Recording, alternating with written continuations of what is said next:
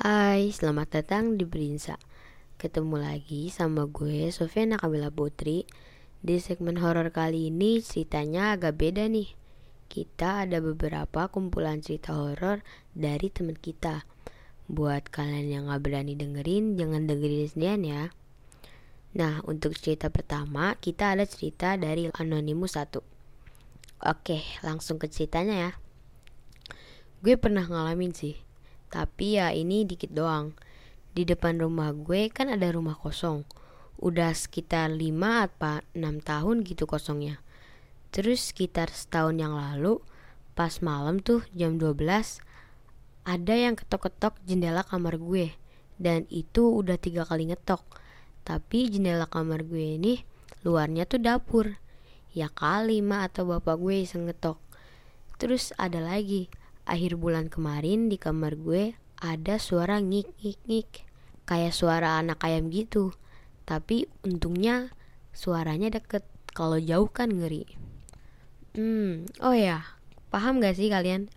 Lu pernah denger lah ya. Misalnya kalau ada suara tapi letaknya tuh deket berarti setannya jauh.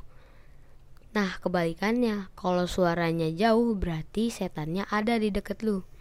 Oke lanjut Nyokap gue pernah ngalamin sih lagi sholat maghrib. Nah terus pintu rumah gue kayak ada yang gedor-gedor.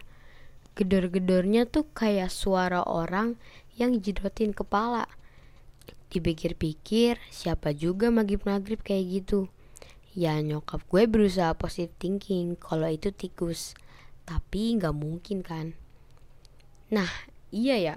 Soalnya suara gedoran kepala sama tikus beda kalau kepala lebih kenceng sama berat gitu suaranya.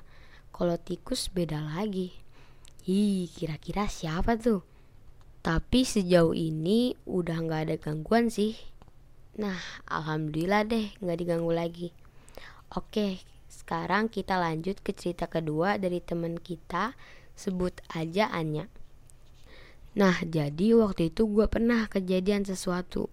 Dan menurut gue itu serem sih waktu itu adik laki gue kan sunatan ya Nah, saudara gue semua mulai dari om sama tante pada datang ke rumah buat jenguk sekalian ngucapin selamat. Ya gitu deh intinya silaturahmi. Nah, mereka nginep di rumah gue tuh. Malamnya sekitar jam 11 gue siap-siap tidur. Tapi gue ada kebiasaan minum air putih dulu sebelum tidur. Soalnya bakal aus banget kalau malam ya udah deh gue otw ke dapur kan. Nah tepat di depan dapur tuh kan ada kaca ya. Gue tiba-tiba kepikiran buat ngeliatin kacanya. Gelap hitam gak ada apa-apa. Tapi abis itu ada yang bisikin ke telinga gue. Itu bener-bener jelas pakai banget parah. Gue langsung lari ke kamar orang tua gue. Sebelumnya posisinya tuh orang-orang dah pada tidur, lampunya dimatiin semua gue bilang dah tuh ke bapak gue. Dan responnya cuman kayak oh iseng. Gitu.